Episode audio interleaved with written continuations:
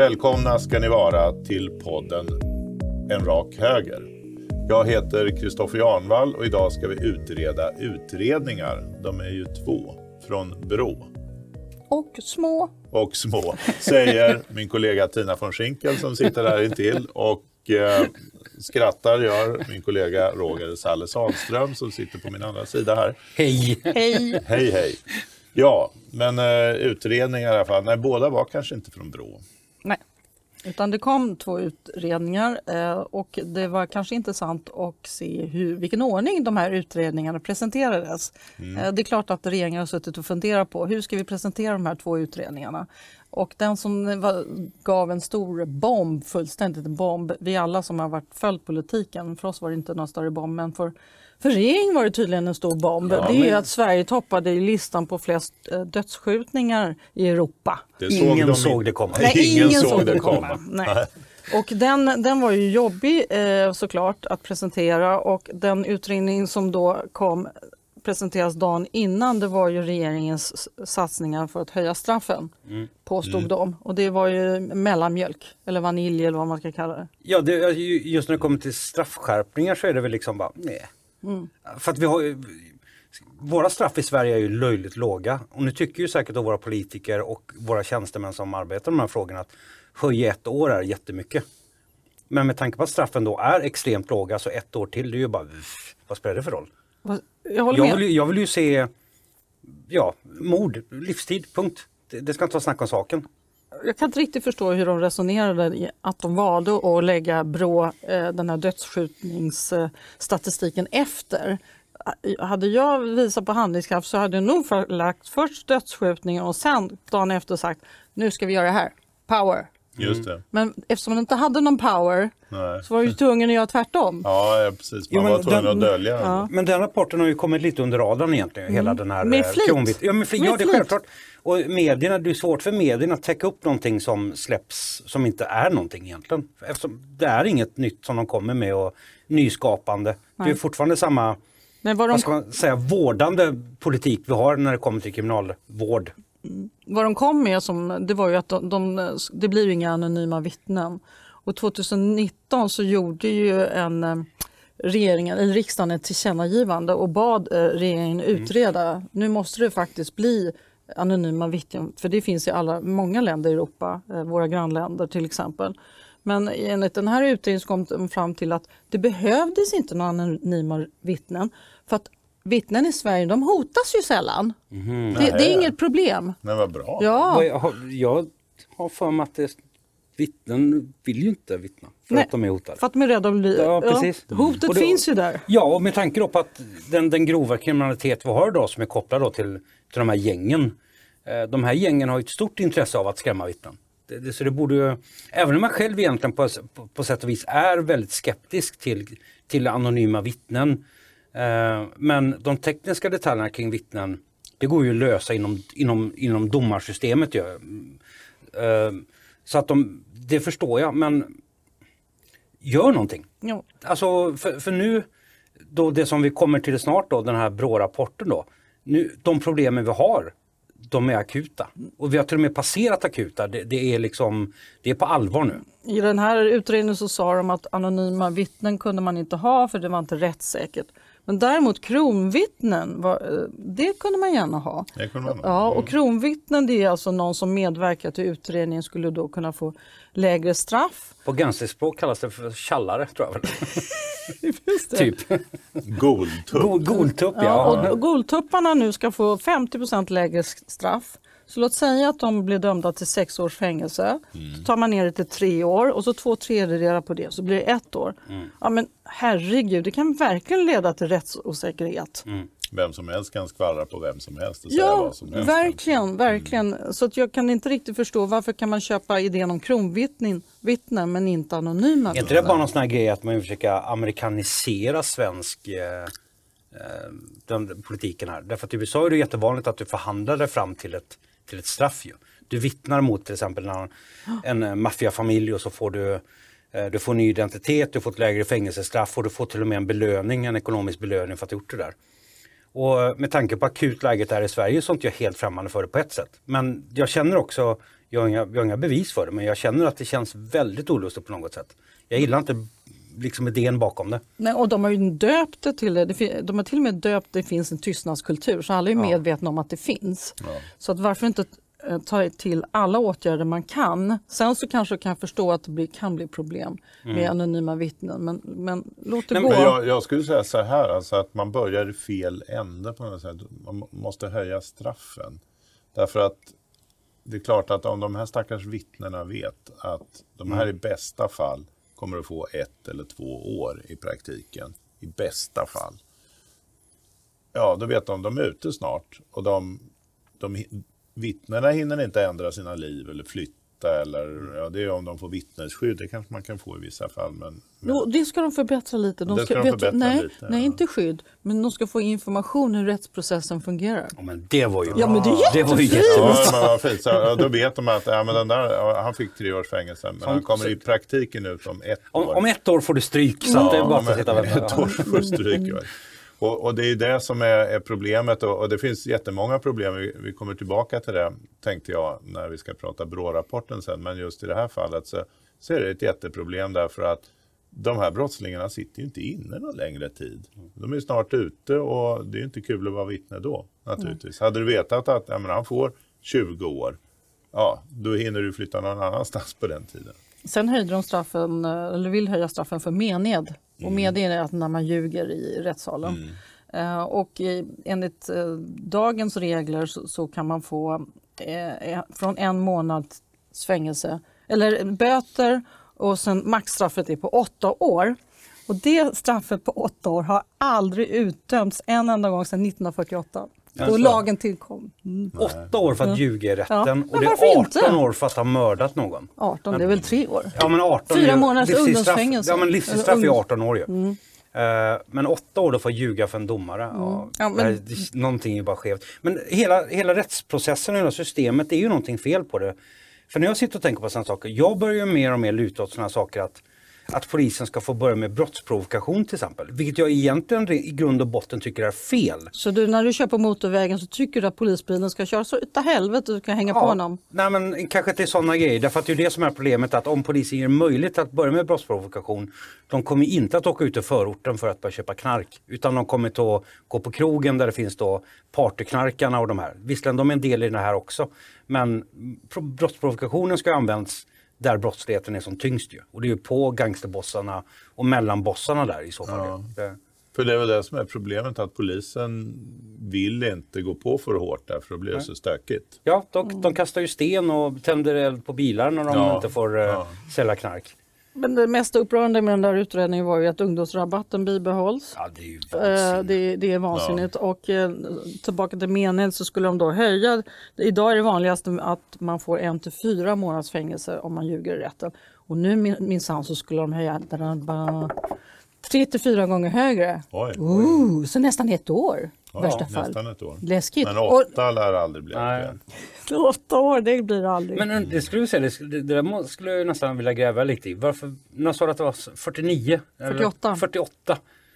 Varför plockar man fram just åtta år 1948? För då, 48 hade vi fortfarande riktiga fängelsestraff ju. Då hade vi fortfarande, då hade vi inte vård. Kriminal, kriminalvården då är ju vård. Ja, och den kom till under... Det var ju 60 och 70-talet igen när Ja. Jarl Hjalmarsson, han var ju någonting, ja. högerledare ändå. Alltså, så Ja. att det där var Han ingen... tyckte att ja. eh, kriminella ska vårdas. Ja, han, han började med, ja, eller började, men han var en av dem som drev på faktiskt på politisk Ja. sida. Och vad var han? Sosse? Han, nej, han var högerledare på 50-talet, början på 60-talet. Mm. Han, han var väl precis före Gunnar Heckscher tror jag som eh, högerpartiets ledare. Mm. Han var en mjukis. Ja, Jarlen men det- kallades Alltså, jag, kan, jag kan köpa en del av argumenten att det är liksom socioekonomiska faktorer och så vidare. och så vidare. Men att, att man skulle behöva vårda någon ifrån brottslighet. Ja, ja. Brott, att begå brott, är det en sjukdom då? Eller vad är det de försöker få det till? Men ett brott är väl ett brott vilken, vilken socialgrupp du än kommer ifrån Ja. och vilken bakgrund du än har. Men slår du ihjäl en människa spelar ingen roll vad du har haft för uppväxt, du har ändå slagit ihjäl henne. Jo, Med men de, som- men de som pratar om de här frågorna när det handlar om socioekonomiska förklaringsmodeller och så vidare. eh, Då bygger ju det på att det är bara fattiga som begår brott. Det vill säga att rika kan då inte begå brott. Så det brukar alltid kontra med. Så att du erkände precis att ingen på den amerikanska börsen begick några oegentligheter under 90-talet. För det är ju det de säger i princip. Det, och det är Men ju det- bara löjligt. Alla människor kan begå brott. Absolut. Ja, men det är inte så att, att fattiga, det finns alltid en förklaring eller en ursäkt till att fattiga begår brott. Ja, men det- man, har- de har ju men det- moralisk anklang på Ja. det, att det på något sätt de måste begå brott. Och det är okej helt plötsligt. Men det är inte okej när, en- när, när en rik aktiegubbe plundrar ett från företag. Nej, det är när inte- det faktiskt är juridiskt rätt, när det börjar kontrakt som man kanske har fifflat med. Så. Fast vi får ta en sak i taget. Ja, Jag jag skiter, jag nu. skiter i att de kallar det för vård. Bara de höjer straffen så Jo. får de gärna kalla det för vård. Men in, bura in de jäklarna tycker jag. Och att de inte har eh, tagit bort ungdomsrabatten. Det, det är fruktansvärt. Det, det är ju för jävligt både mot ungdomarna i, det här, eh, i de här utsatta områden som rekryteras in i de här gängen. Och det är för jävligt mot oss alla andra. Du kan inte gå och mörda folk och sen komma undan med fyra månaders ungdomsvård bara för att du är 17 år. Ja, det är hopplöst. Det är ju Man- fruktansvärt. Det, det, och det är så enkelt att skicka fram de här småungarna och det är ju det man gör. Det är de som får uh, vara torpeder och de som får begå brotten. De får en liten peng för det och så får Ja. de studera. Då får de bli vårdade. Ja. Mm. Och det, det är en snäll naiv idé. Det kanske funkar jättebra på 60 och 70-talet när det var liksom Banan som Jag tror faktiskt aldrig det har funkat. Nej, det, eller, det, tror- det tror inte jag nej. heller. Alltså, för hela det, alltså, har du begått ett brott då ska du straffas, Mm. så är det. Det här med att försöka hitta då förklaringsmodeller eller vad det än är. Nej, det, det, det är liksom... Men när Brå sen presenterar sin rapport dagen efter eh, den här som vi nu pratar om, då framstår det här ännu mer dummare. Mm. För när det Brå presenterar och det de berättar och vilka det är som utsatts för de här brotten och vilka som gör det. Och sen dagen innan så har de inte presenterat en enda åtgärd för att stoppa det. Förutom lite information hur rättsprocessen ska funka för de här stackars vittnena. Jag skulle Ja. aldrig våga vittna om jag såg någon bli skjuten på en bensinmack i Botkyrka till exempel. Aldrig, Nej. aldrig någonsin. För du vet att du är rökt om du gör Aldrig. det. Och det finns ingen som skyddar dig. Nej. Och det, det har vi ju liksom egentligen grundproblemet med det här offentliga samhället vi lever i, med offentlighetsprincip och allt det. För det är ju de här grejerna det handlar om, att man, det. du ska ha insyn och så vidare. Och det här funkar ju så länge du har människor som är schyssta. När det kommer då en grupp människor som inte är schyssta, då faller ju hela idén med den öppenheten. För den missbrukas ju. Ja, och det, det sjuka är ju att de, de som blir dömda får ju också de får skyddad identitet. Ja, det är ju helt bakvänt. Jag vet inte hur många gånger jag har suttit när jag läst igenom förundersökningar eh, och där namn, namnet står på förövaren men personnummer, adress och telefon, allt sånt är borttaget just därför att personen får skydda identitet. Därför är det väldigt konstigt där att det handlar om att man ska ju värna om den här brottslingens liv och hälsa. Men jag, varför, ska våran, varför ska staten vara så fruktansvärt rädd om en pedofil till exempel? Det, Nu vill inte jag att vi ska ha att människor ska liksom, eh, råka ut för några pöbeldrev och bli ihjälslagna på Nej, gatan. du kan ju få lynchmobbar och Ja. det är väl det man tänker på. Jo, de, en sak till de skulle införa, de är ju så jätteambitiösa här. Jo, de skulle ta bort kontaktuppgifterna på vittnena i förundersökningsprotokollen. Mm. Men det är ju jättesnällt. Ja, det, Va? Det är ju jättevänligt av dem. Men det har Så de inte, in- det har de inte gjort tidigare. Tidigare fanns det Ja, liksom personnummer, telefonnummer, adress, allting. Det är det- praktiskt, då vet man precis var de Ja, bor. precis. Alltså Var man- brevlådan bor någonstans. Och så ska de även ta bort var vittnet eh, av, avlade sitt vittnes... Eh, var, han Okej, gick ja. Mm. in och vittnade, alltså vilken polisstation. Ja, det är ju väldigt vänligt. ja. Nej men det där borde ju på, på sätt och vis med tanke på, det rådande, på den rådande situationen så borde ju sånt var helt anonymiserat egentligen från, eh, ifrån försvarsadvokat. De ska inte kunna få komma åt någonting överhuvudtaget. Det borde egentligen vara som i Danmark att eh, du får i princip inte veta vad du är åtalad för utan det är när du kommer in i rättegången i så fall så då bara dumpar de alla bevis på dig. Du har inte en chans att försvara dig, du får inte, ingen tid på att bygga upp något strategi eller någonting. Fast Så det är inte så rättssäkert. Nej men Danmark gillar jag. Så Jo, därför men- men- jag, jo, men jag jag menar- håller med dig. Det, Jag, jag tycker visst kan man säga så här, ja, vi har Salle som har vittnat om det här och sen har vi Kristoffer har vittnat om det här. Räcker inte det? jo, visst. Det Vad fasen ska de be behöva veta allt vad du heter och bor Ja, det finns ingen, nej, det, jag telefonnummer? med, det finns ingen anledning till det. det. Det borde vara anonymiserat på något sätt. Mm. Det, det håller jag med om. Ehm, ja, men den här gängkriminaliteten eh, har förstört mycket av det som var det trygga, snälla, normala, goa Sverige. Inte, Och jag- lagstiftningen har inte hängt med. Nej. Och är- situationen är ju exceptionell. Då får man ju också ta till lite exceptionell Det är det som är så lagstiftning. tragiskt detta. För det har vi egentligen med allting, migration eller vad det än handlar om. Vi har hamnat i en situation där vi inte kan lösa det på ett vanligt rationellt sätt. Vi måste ta till hårda metoder. Istället för att ha kanske det här samtalet vi skulle haft om, om brottslighet och migration de senaste 30-40 åren. Nu är vi i slutändan utav det. Nu håller allting på att braka. Då finns det bara ett sätt att lösa det. Det är ut med dem, stäng in dem, lås in dem. Och där vill inte jag hamna egentligen. Nej. Nej. Ja. Men vi är snart där. Ja, vi är där Ja. egentligen. En kort resumé av gårdagens, eh, den BRÅ-utredningen som presenterades häromdagen. Ja. Och eh, då hade Brå jämfört Sverige med 22 andra länder i eh, Europa. Eh, och de var väldigt noga med att påtala att det är väldigt svårt att eh, jämföra brott. Men just i det här fallet när det gäller dödsskjutningar så var det väldigt enkelt. Det kan man ju förstå. Dö, döda, döda, levande, levande. Så det var de ju tacksamma för. Ja, men då är det enkelt. För de ville lite markera där i början av sin presskonferens att det här tänker vi inte göra om. Vi tänker inte jämföra kriminalitet med andra länder. Bara så ni vet det. Mm. Ja. Och då, då visar de upp några, um, några kurvor där och jag rekommenderar alla att gå in på Brås hemsida och titta på presskonferensen och titta på de här bilderna där Sveriges eh, kurva är kolsvarta eh, streck överallt och de går mot himlen. Det- De börjar så fint på 00-talet och då ligger de under alla andra länder. Jag jämför denna graferna med min graf från min hjärtattack. Hjärtat går jättebra, sen bara sticker upp så här. Det ser ungefär likadant ut.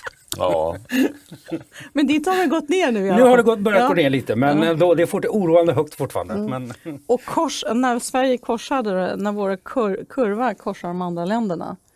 Det skedde ungefär 2012-2014. jaha. det är alltså innan den stora migrationskrisen. Det var väl då de klubbade igenom alla de här Ja migrationsöverenskommelserna. visst, men det som kom 2015 sen, det har vi ju liksom först nu börjat få smaka på. Så det vi har nu har att göra med saker som kanske, ja det händer ju bakåt i tiden. Det blir ännu Ja. mer spännande som Reinfeldt skulle ha sagt. Jo, precis. Men då, det hade ju redan satt igång då. Det, det är klart att överenskommelsen med, med miljöpartiklarna var ju den dödsstöten egentligen då 2011.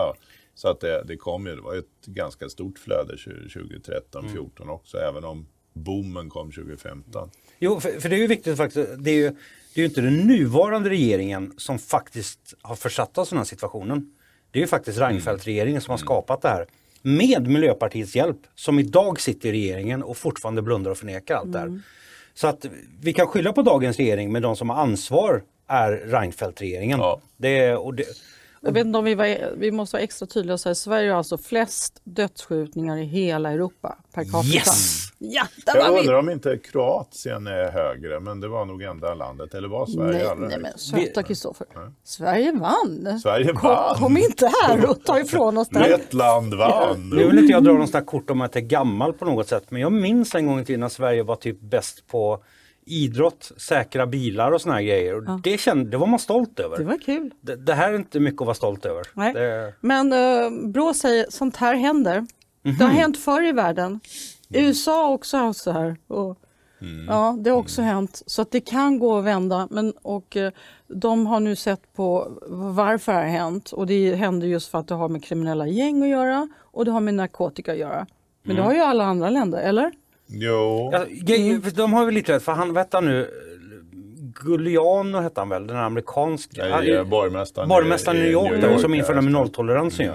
Han, alltså New York var ju ett avskrädesplats innan han tog över där. På Och- 90-talet, ja. början av 90-talet. ja. Och han ställde upp det totalt och jag vet senast jag var i New York så var Ja. det ju Och hur gjorde där. han? Ja, Han- nej, han började liksom, krossade rutor, dit med poliser, folk som plankade på tunnelbanan, höga böter, polisen ingriper på en gång. Ja. Småbrott. ja. Småbrotten ja. Och det är bara in och störa, störa, störa, störa. Mm. Och nu är Manhattan är ju det är ju världens tryggaste plats tycker jag. Det, det, det Ja, ja nej, idag är det, det är inga problem sen, sen de, de Folk blev handbojade och fördes Ja. bort för minsta förseelse. Drack du öl ute på gatan så var det liksom in i cellen över natten i alla fall. Och det, det var ju det Åkesson tog upp i gårdagens debatt mot Damberg, liksom, att det är på brottsligheten, det är den här småbrottsligheten, på det bara. Och för att börjar det sätta sig, då fortsätter det bara. Och det kan man ta nu när det är Seved i Malmö.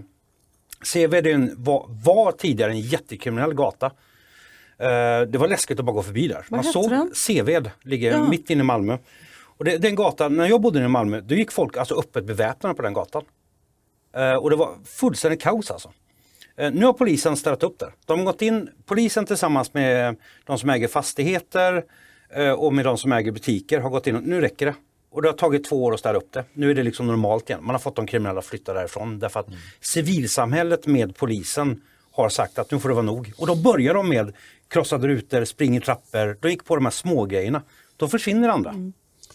Just det, för kan du inte springa i trapporna kan du inte springa runt och sälja knark. Nej precis, för det vet vi, det är de kända för, att springa just i trappor. Men Brå hade ju inte fått uppdrag att, att utreda varför Sverige, nej. Sverige är bäst på att skjuta, dödsskjuta. Men, utan, men det gjorde de i alla fall för de kunde inte låta bli. Och då säger de att de tror att det beror på någon slags social smitta. Smitta. Ja, Så vi har inte det. bara coronaepidemin utan, ups nu sa jag det. Ehm, man får inte säga det ordet. Jo, det får man, men du får ta några teorier om det. Nej, förlåt. Eh, jag ska inte ha det heller. Men kan man ha teori om den här smittan då? Det går alldeles utmärkt. Social smitta, så att om din granne mördar då blir du också sugen på att mörda. Så är det tydligen. Så kan det vara. Mm, vi se. Det gäller rätt grannar. Ja, Så, så du menar att när man slog ihjäl min granne under mig i Kalmar så någonstans där så kände jag också på något sätt att, Att jag du ville... blev lite sugen ja, på att mörda. Jo, men det är klart men de att... säger så. Jo, de jag vet, säger jag att såg- det är gängdynamik och jag kan i och för sig, nu raljerar jag Mm. lite i och för sig, men det är klart att det inte handlar bara om gängdynamik. Och Ulf Kristersson, eh, moderatledaren, gick ut och sa att ja, integrationen, det är absurt, integrationen har varit under all kritik. De vill inte integrera sig. Nej. Sluta och tjata om detta. De är inte intresserade. De vill leva det här livet med mycket pengar, mycket Mm. glamour. Eh, ett helt annat liv än vad vi förstår. Och de åker inte in. Jag, Nej, jag konsekvenserna är ju obefintliga. Jag pratar med en advokat, han heter Nima Rostami och eh, vi pratar om eh, konsekvenserna. Pratar, han håller på med migrationsjuridik och han håller på med brottsmål och, eh, och, och konsekvenserna blir så låga att det, det är liksom inte avskräckande. Han eh, presenterar hela den här lösningen, det kan man lyssna på. Han presenterar hela den lösningen, eller hela, hela, liksom, alla detaljer som Brå borde, borde ha tagit fram. Men De, de tog inte upp det alls. Nej, de- men de, gör ju, de får ju frågan på det. Frågan ställs ju på det sättet så att de inte ska plocka fram det. Men tydligen hade, hade Damberg raljerat med, jaha, varför tog de inte reda på Jo, varför? Damberg var ju var så rejält dryg igår faktiskt på, under eh, Aktuellt där. För att han, då sa han så här lite nonchalant, ja men Brå eh, utredde ju inte detta. Nej. Om varför. Och bara, det är ju för fasiken Dambergs uppgift att ställa frågan till Brå.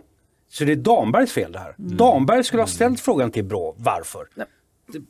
Ta reda på va? Jag måste säga en sak. För det första, varför var Mikael Damberg, varför ska han kommentera? Han är väl för fan justitieminister. Ja, han, är väl Vad den enda, Morgan- han är väl den enda sossen som... Ja, men, Som kan prata? Ja, precis. För Damberg är faktiskt duktig tycker jag. Han, är- Ja, det han, tycker jag med. Sen att han är sosse, det kan man ju kritisera, men han är duktig. Men är det Nej, inte jag han för- som har polis Men vad är Morgan? Johansson? Ja, han är inrikesminister, Brotts, ja. brottsfrågor. Jo, så. men Morgan Det Johansson. ska vara Morgan. Ja. Men jag tror Morgan Johansson har lite butthurt nu. Eh, För att senast han var med SVT så gjorde SVT bort sig.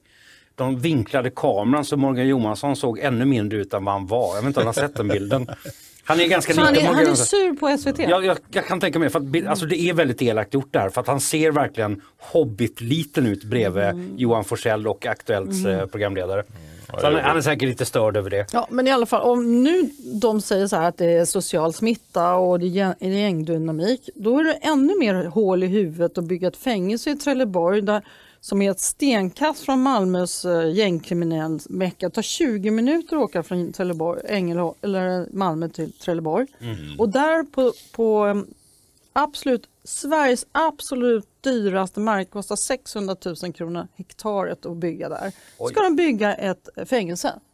En av Sveriges största fängelser. Alltså, och var, då ska de ju skicka upp de här galningarna till fängelse i Norrland. Ja, det är eller, bättre. En, Där Ja. finns så mycket obebyggd Ja. mark, det sa ju Reinfeldt Småland. Till och eller- med, till och med Reinfeldt har ju flugit Mm. och sett hur mycket skog det, Det finns är där. faktiskt det största argumentet för att man inte ska bygga fängelse i Trelleborg. Det är Ja. för nära de gängkriminella. Mm. Punkt slut. De ska inte kunna åka dit en gång varje dag och snacka skit med sina polare. Nej, faktiskt. Nej. Jag förstår inte hur de tänker. Upp med dem i ödemarken. Men, För men skulle de Damberg var rymma också så hinner man hitta dem. Ja. Damberg var också arrogant för han eh, på press, Brås presskonferens så, så hade de då klippt in en, en, eh, polischef från Malmö som skulle berätta hur framgångsrika Malmö var. Och det tog ju Damberg också upp i SVT. Och de sa att det har gått så himla bra i Dam, eh, Malmö. Nu har vi infört eh, sluta skjut och sådär. Jaha, tänkte jag. Så tittade jag på statistiken i morse. Hur mycket skjutningar har de haft i Malmö förra året? Ja, jo, det har ju i och för sig gått ner. 2018 så sköts eh, 12 personer ihjäl i Malmö. Det är ganska mycket eftersom det bor 330 000 människor. Mm. Eh, nej, de, de har inte eh, spesat Malmö utan det är syd. Syd, ja. Ja, och eh, s- eh, 2017 var det sju personer. Men 2020 var det sex dödsskjutningar. Och det bor 1,5 miljoner människor i Skåne. Alltså precis på samma... I Sverige, totalt sett i Sverige så skjuts det ihjäl fyra personer per miljon människor. Och i Malmö då, så, eller syd, så har det skjutits ihjäl sex personer på 1,5 miljoner. Det är ju precis samma, det är ju som rikssnittet. Det är ingenting att skryta om. Lägg av! Jag, kommer, jag blir galen när de bara förvanskar den här statistiken. Jag menar, man ska också komma ihåg att det inte är så väldigt länge sedan våra politiker stod och sa att det sköts och folk skadades i skjutningar. Och det gjorde ju inte så mycket för vi har en så pass bra vård i Sverige. Så det gör det inte så mycket om folk skjuts. Därför dör det ingen i svenska skottlossningar. Så sa, det var ju deras argument väldigt länge att ingen dör ju i skjutningar. Bara det är ju illa nog att det skjuts. Det- Men och de, de vill inte prata om alla, frågan. Alla läkare de blir väldigt tränade på att ta hand om skottskador. Ja, Ja, kan det- skicka dem till krigsländerna sen. Ja, men- men det har de gjort va? Ja, ja, vi, de är ju vi, ja, vi gör det. nu. De är experter idag. Nej, men Sverige, läkare. det Sverige gör då blir, för det första är vi bäst, vi är snart bäst i Europa på arbetssökande och vi har snart Europas bästa skyttar. Sverige har verkligen visat framkant nu Och på... läkare på och- skottskador. och- det- Mm. Nej, men det är underbart. Det är framtiden det här. Ja. Ja, men vi blir helt förstummade här. Ja. Nej, men det som, hela, hela grejen med den här BRÅ-rapporten igår, det, det, det var bra saker som kom ut ur den. Men den så absolut nödvändiga diskussionen nu om hur vi ska lösa det här och varför det här pågår, det har ju i princip bara dött nu. Ingen tog tag i det här igår. De lägger locket på. Ja, det är bara locket på överallt. Ja, man vill inte ha diskussioner nu. Nej, och det, jag fattar inte varför, därför det här är ju en det här är ju en valvinnare för Socialdemokraterna att lösa det här. Ja, Varför gör de inte ja det det var det jag sa. De skulle lagt de här utredningarna om Ja. tvärtom och så här, Ja. nu går vi in så här power. Men jag, det här med Malmö då som hade då sex skjutningar förra året. Det är alltså det är det högsta i Europa även i Malmö och så står de och skryter om det. Och det är lite, bara för att det var 12 förra året och 6 nästa. Eh, Det är som om jag hade kört, eh, om polisen tar mig när jag kör 150 och så säger men vet du vad, jag körde faktiskt 180 innan, jag har varit jätteduktig. Ja, jag har sänkt hastigheten. Ja, inte sjutton skulle jag få en klapp på axeln och polisen skulle säga kör du vidare. Kan du inte Ja. testa det? Men sänk något till 140. Ja. Ja, det är så jävla arg. ja.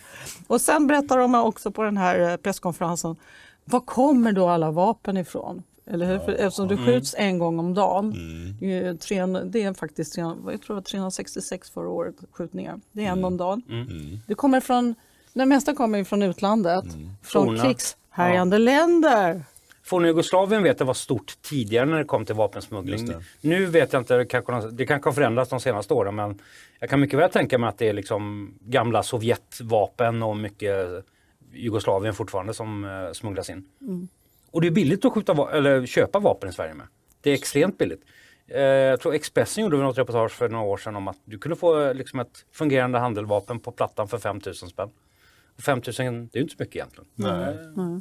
Du behöver ingen licens. Och Nej, det är det som är det bästa. Ja, Men, och, då, och ganska sen enkelt. funderar de på att se över de här vapenlagarna för sportskyttar. Yes, Och- de ska vi sätta åt. Det tycker jag är Jo, jättebra. men då har man visat krafttag. Ja. verkligen. Jo, ja, men det är ju det. De är ständigt på sportskyttarna, jägarna förstås. Mm. Och därför att allting är ju en pinne i statistiken. Vapen som vapen. Det finns Jo. väl inga som förvarar vapen så säkert, inte ens på regeringskansliet Rosenbad kan man ju förvara pistoler Nej, säkert. precis. Det, det gick ju sådär. 10 eller 11 stycken. Ja, Men de det är jätteintressant just med varför man... För du, du är nog inne på rätt spår, att det handlar bara om att lösa... Man vill få in den här statistiken. Ja, ja, men statistiken, alltså jägare och sportskyttar, de är verkligen ålagda att förvara sina vapen på ett korrekt och säkert sätt, inlåsta i ordentliga vapenskåp. Och det gör man, garanterat, för man vet att slarvas det och det stjäls någonting eller någon gör ett stickprovskontroll och det inte fungerar, inte ser ut som det ska, då blir man av med sina licenser och det vill man inte. Va? Men, men som eh, gangster så behöver man ju inga licenser, så man har ju inga licenser att bli av med. Då skulle man bli av med sitt illegala vapen, då kan man Köpa enkelt nytt. köpa, ja, köpa ett nytt. Men tydligen ska man säga till om, om du råkar få inbrott och du får meddelande på din telefon att larmet har gått. Då ska du ringa polisen och säga jag har vapen hemma. Ja, Då då kommer kommer polisen öronen av Ja. Så det är ett tips. Ja, ja det är bra. det. Lifehack. Nej, men det, jag tror det var 2016 så intervjuade en polis om det här. Eh, jag kommer inte ihåg vad polisen hette men det var en av de här jättenitiska poliserna som jagade dem uppe i Dalarna och såna grejer. Och då frågade jag, men finns det någon statistik kring hur många jakt eller sportvapen som används i brottslig verksamhet? Det enda han tog fram till mig, det var ett självmord som hade skett. Med, med ett Är det ett brott? Ja, det är faktiskt typ nästan ett brott. Ja. Det, men det var det enda, så jag frågade honom så här, men ingenting av det du har skickat här pekar på att det är de här vapnen som är problemet. Han bara, ja men det handlar om att få en bra statistik. Det, är det, och det är det som är hade, tänk om polisen hade agerat likadant som man gjorde mot eh, Hedin och de här. In med, med SWAT-styrkan liksom. Tänk om de gör det ute i förorten. Det vågar de inte, svenska polisen. Nej. Nej, då trappar man upp situationen och då blir det våldsamt. Ja, och det, det är bara att jämföra till exempel med demonstrationerna som har varit nu i Stockholm. Att eh, Palestina-demonstrationerna låter man liksom få vara i fred lite, andra demonstrationer går man ner och klubbar ner gamla damer på rullatorer. Polisen har misslyckats med sitt, med sitt användande av våldskapitalet. De använder det fel, de använder det mot, mot de vanliga medborgarna. Och det, då är det en fasciststat nästan ju, om man ska verkligen eh, överdriva här. Ja, sen så var jag ju tvungen att kolla vad, vad, hur såg Annie Lööf på det här? Oj! Ja, vad säger, och vad, har Greta sagt något Men förresten? Greta glömde jag kolla, men Annie Lööf är alltid lika roligt. Och, hon har givetvis lagt upp eh, bilder igår eh, på när hon hälsar på någon stackars kille i rullstol. okej, och och hon, hon, har, ju- hon är ju småbarnsmamma, hon har ju lärt sig det här knepet hur man gör fokusförflyttning. Mm. Bara, när barnet börjar gråta, titta på fågeln, titta på fågeln. Så hon sysslar med det då. S- Febrilt håller på Mm. att prata om assistanshjälpen och sånt där. Eh, Så hon låtsas som det regnar. Ja, vänta, hon gjorde också, hon skrev någonting om att de vill höja fängelsestraff för någonting igår.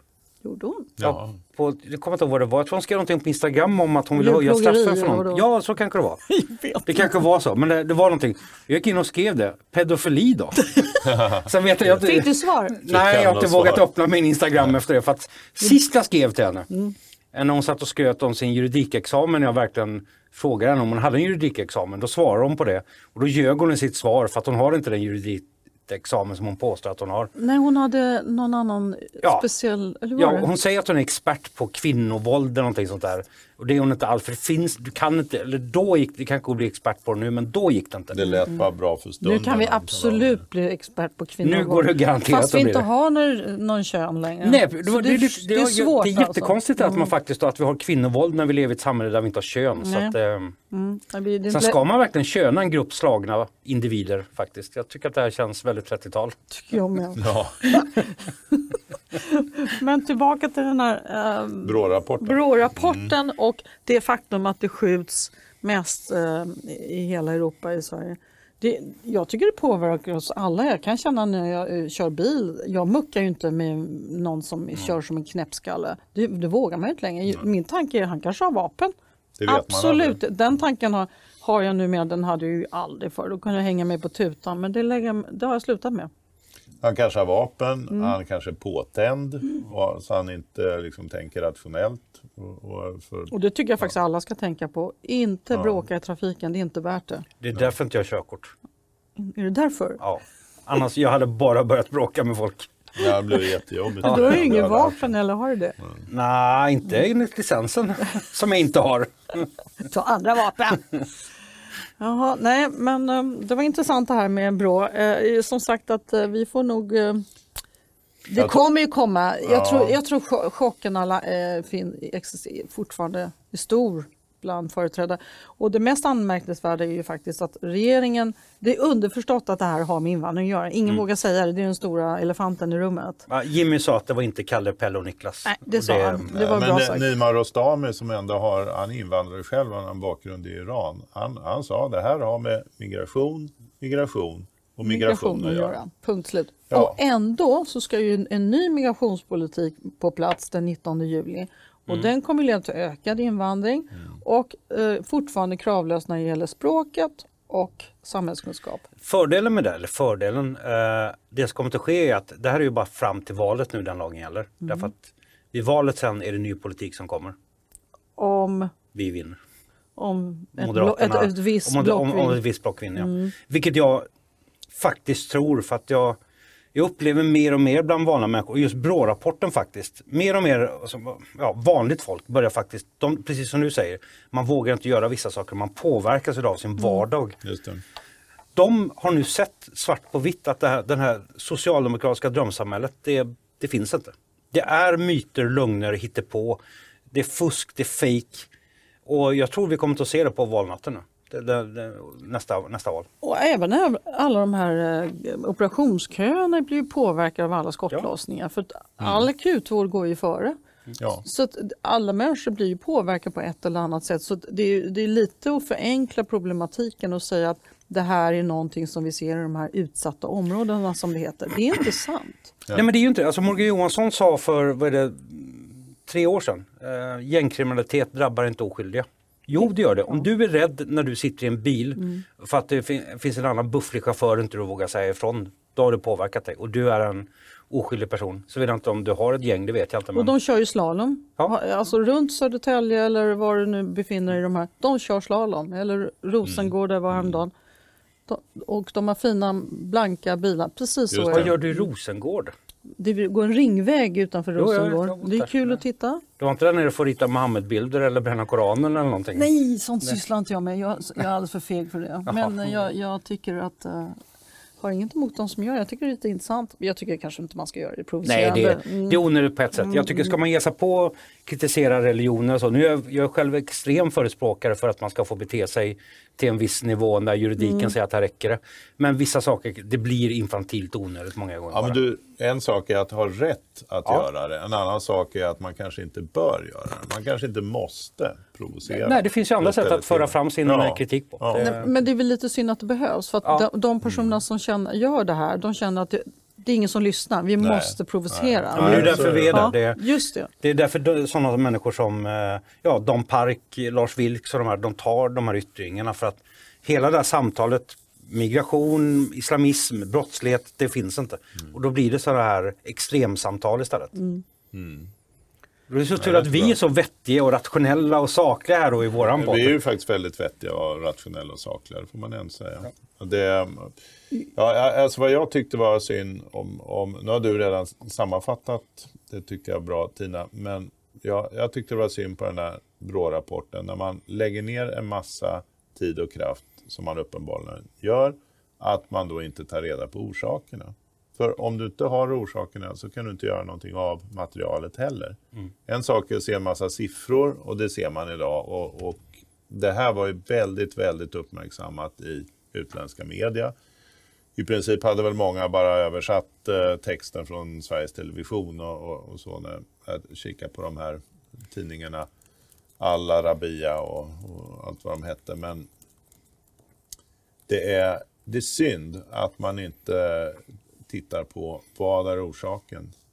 För utan orsaken kan du inte göra någonting. Ja, men det är klart att de vet orsaken, men de klarar inte av att Det är säga ingen som Nej, vågar säga. nej, Elefanten nej. står mitt i rummet nu. Elefanten står och skiter i rummet just nu. Och ingen vågar säga Nej, det. nej. det. Och, och det, jag vet inte om det är bra eller dåligt, men det, det kommer väl så småningom när, när de tvingas att säga vad det är. Ja, eller så får vi det tyvärr det värsta utav det. Vi får bara en antirörelse som är vi, re- rent vidrig alltså. Någon kommer att göra någonting som vi inte vill ska ske istället. Fel person drabbas av något. Du vet, det, det, bara det hemska kan ju hända egentligen. Och det är det som är så tråkigt med det här. Ja. Ja, om vi ska byta ämne så är, vill jag återkomma till någonting som jag brukar tjata om. Jag tycker vänstern är duktiga på att sätta ord på sin politik. Det är nu du går in i lärarrollen då. Ja, och nu går jag in i lärarroll. Nej, det, är inte min grej. Men det, det, ett ord som jag har fastnat för som de har börjat flitigt använda det är det gemensamma. De pratar väldigt mycket om att alla ska bidra till det gemensamma. Eller inte alla, utan det är en viss, vissa ska bidra till det Som, som gemensamma. vi ska göra. Fröken, fröken, jag har en Ja, fråga där. ja. Är, det, är det vårat gemensamma eller är det deras gemensamma man ska bidra till? Bra fråga Roger! Den kan du inte få något Det är absolut deras gemensamma. Det- okej, ja. det, Men det, fråga Dagostar. det är Ja, just det. precis det det handlar om. Att bygga upp mer och mer kontroll för att styra vårt sätt att tänka och vårt sätt att vara. Det är klart det handlar om det. Eh, Och eh, nu har de kommit på det geniala att de ska införa bankskatt med 5 miljarder för att vissa kan bidra mer, säger de. Ja, 5 miljarder, det låter som massa pengar. Men å andra sidan så har de ju utgifter 270 miljarder för de 7 till 800 000 människor som inte är självförsörjande. Och det nämns ingenting om. Så de har ju 5 miljarder, det, vad hjälper det när det är 270 miljarder som ska ut varje Mm. år till dessa, den här enorma grupp som växer? En spottloska i Nilen. Ja. Och det kan jämföras mot förmögenhetsskatten som en gång stod för 6 miljarder. Det var inte mer. Nej, och även eh, Oj. eh, arvsskatten var också 6 miljarder. Så det är ju små pengar vi pratar om. Jag pratar vi statsbudgetar så är det ju inga pengar Det är inga alls. pengar alls. Vi skickar 17 miljarder till en flygplats i Vietnam utan blinka. 51 miljarder till bistånd. Eller 1,5 miljarder till Hama- Hamas, terrororganisationen. Jo men annars blir ju aldrig fred där nere. Hamas måste ha våra pengar, det blir inte fred annars. Nej, Nej. ja, Men då var det någon som sa att vi skick- skickar inte till Hamas, vi skickar till eh, palestinska staten eller och så får fast de Hamas gick en ut och sa att alla pengar ska gå via Hamas som kommer till Palestina. Palestinska, vad heter de, Palestinian Authority har de kallat sig för, Mm. är ju bara en organisation som är över Hamas. Allt, Ja, ja, allt nej, ramlar ju bara ja, ja, Hamas till... får ju allting. Nej, till men det är, allting handlar om det gemensamma är vi ska betala till det gemensamma, för de ska upprätthålla och fortsätta med en dålig politik. Mm. Men, Som- det, men det är ju det som vi brukar prata om. Socialdemokraterna vill ha en demokrati, de vill ha sin demokrati. Och de vill att andra betalar för deras gemensamma demokrati. Precis. Och det, det är vansinnigt. För Sluta betala skatt. Mm. Börja skattefuska. Nej men det, det, det, är, alltså, det är ingenting att skratta åt det här egentligen för att det är ganska allvarliga konsekvenser, inte bara nu i år att, vi, att skatten är hög, en av världens högsta skatter och vi har enorma utgifter på den här stora gruppen som inte arbetar. De är i arbetsför ålder, är viktigt att poängtera. Utan vad, vad som händer är ju att, att får vi en ökad befolkning med låg utbildning så, så genererar det så mycket följdeffekter. Eh, vi har, om de inte arbetar så blir det givetvis ökad kriminalitet. Eh, och utbildar de inte så blir det lägre utbildningsnivå, försämrad arbetsmarknadsutbud som det är det nya uttrycket. Eh, eller Just det, hur? just det. Nytt Ja. uttryck. Arbetsmarknadsutbud, det är alltså arbetslösa Det, det. det är bra det. med många arbetslösa. Vi har väldigt många som söker jobb i Sverige och det är bra. Ja, och då blir det ju mindre företagsetableringar, lägre produktion, lägre BNP och då har vi ju inte heller någon skatteintäkter. Nej. Så vad fasen, då, då, alltså det, det är mycket värre än vad man tror. Det är Mm. mycket värre. Det, häromdagen så var det ett reportage i GP tror jag det var. Kan ha varit- Dagens Nyheter när man pratar om den somaliska gruppen. Där man tog upp hur stor del som är arbetslösa jämfört med den svenska befolkningen. Och det är inte så att vi pratar om några få procent utan det är, det är tiotals procent. Alltså Ja, det, ja, är, ja. det är 60 procent tror jag som var eh, arbetslösa motsvarande mot då i den svenska befolkningen var det knappt 3 procent tror jag. Och det, du kan inte bygga ett samhälle på en arbetslös befolkning, det är nej, omöjligt. Nej. Så höjda skatter är en bara kortsiktig lösning. Ja. Absolut Ja, en ja. kortsiktig Nej, lösning. ju. Och då kan man ju börja tänka efter, vad är det de vill åstadkomma Socialdemokraterna? Vad är det De de, håller, vad är de håller på med? Nej men allvar, tänk efter för att det kommer att hamna i ett, en situation där Sverige ha- har då minskat, det är fem miljoner som arbetar idag. Låt säga att den här krymper hela tiden men, men befolkningen ökar.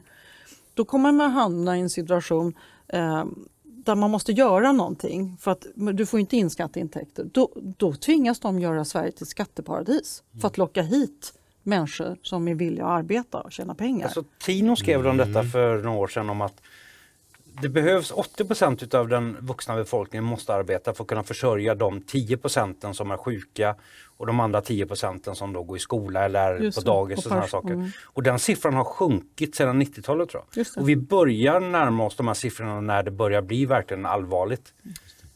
Så man vill, vill, eller vill de åstadkomma superliberalism, att välfärden ska haverera? Går var liksom ju, säger Rein- Reinfeldt, ja, men det var ju Reinfeldts... precis det sovande folk. Alltså, alltså Reinfeldt är- och Borg är på väg att få in exakt det här.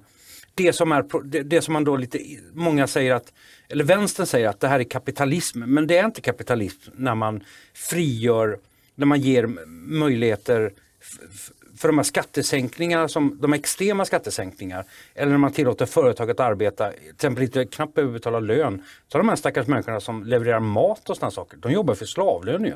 Det är inte bra kapitalism. Det är extremt dålig kapitalism. Där. Jag vill att killen som kommer på cykel ska ha en schysst lön. Ja. Punkt. Det är det är inte svårare. Jag betalar gärna för det, men då vill jag också ha en lön för det.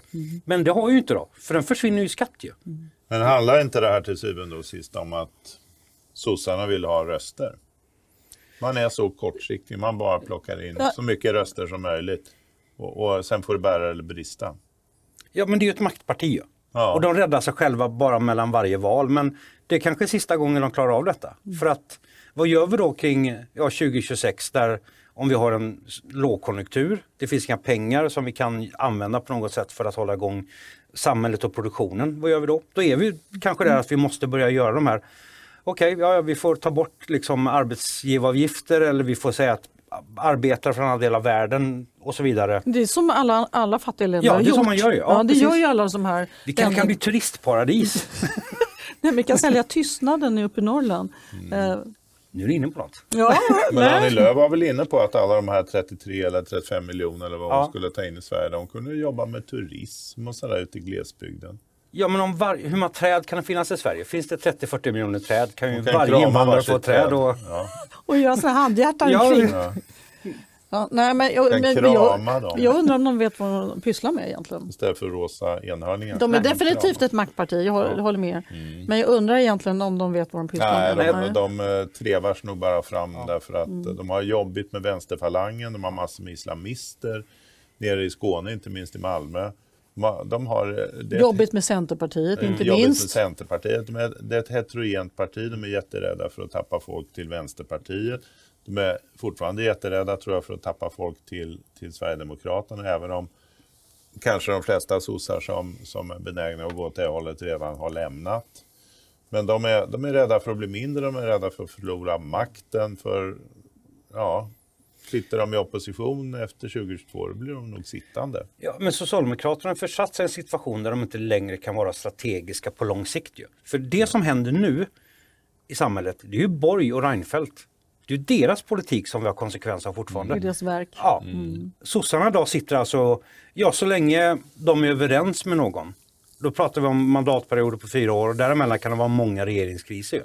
Så de har ju tappat det här. Vilket är å andra sidan bra för jag vill inte ha kvar socialdemokratin i Sverige så det får gärna Nej. braka allting alltså. Fast sossarna gillar ju det här att ta hand och, och styra och, och tycker om svaga människor som de kan styra över. Och Jo, så. tyvärr. Det gör de ju så att på så sätt så, så kan de gifta sig. Mm. Boys och Reinfeldts verk och socia- socialistiskt Ja och sen kan de tänk. hitta en ny invandrargrupp snart det synd om. Just nu är somalier de mest utsatta. Det, fin- det, måste, det finns säkert en annan grupp någon annanstans som Mm. det är ännu mer synd om. Är somalier utsatta? Det visste jag inte. Ja, enligt dem själva ska de tydligen vara det. Det För de bytte ju namn från folkhemmet till- starka, sam- intressant. Mm. ja, starka samhället. Så det, och det är ju det de pratar om. De vill ju ha ett starkt samhälle och, vi och, eh, uppfattar det som ett, ett samhälle där vi engagerar oss. Mm. Men för dem tror jag det är mer att maktapparaten, deras maktapparat ska vara stark. Antyder du på något sätt att socialdemokratin har tagit, antagit en form av fascism här nu? De likställer Det är ju samhället faktiskt- med... Ja, det, men, det är- men det, det, det är snubblande nära Det är ju kontentan nu börjar Ja. ju bli det. De gick ut idag och skröt om att nu har de 28 nya servicekontor. Just det, ja. Precis som det skulle vara något att skryta över. Jag förstod inte poängen. Vi har ju prövat servicekontor i 20 år väl och det har ju inte lyckats någon gång ju. Så nu ska vi in med 28 till då. Nej, det Halleluja. känns rätt så hopplöst det här, va? Centerpartiet Inte? var väldigt glada för det också. Ja. Ja, det är hopplöst över. Varför blir man så deppig när man poddar med er? Ja, nej, men lite, lite hopplöst känns det. Vi får börja på fredagar och ta en jävel. Men, ja, men finns det liv finns det hopp. Ja. Jo, jag skulle kunna Efter säga... regn kommer sol. Ja, när man kan säga så här, Rom har talat, saken är avslutad. Bra. Det brukar påven säga. Och därmed denna podd. Ja, Ja. får vi väl säga. Hej. Tack för idag. Hej då. Hej. Tack!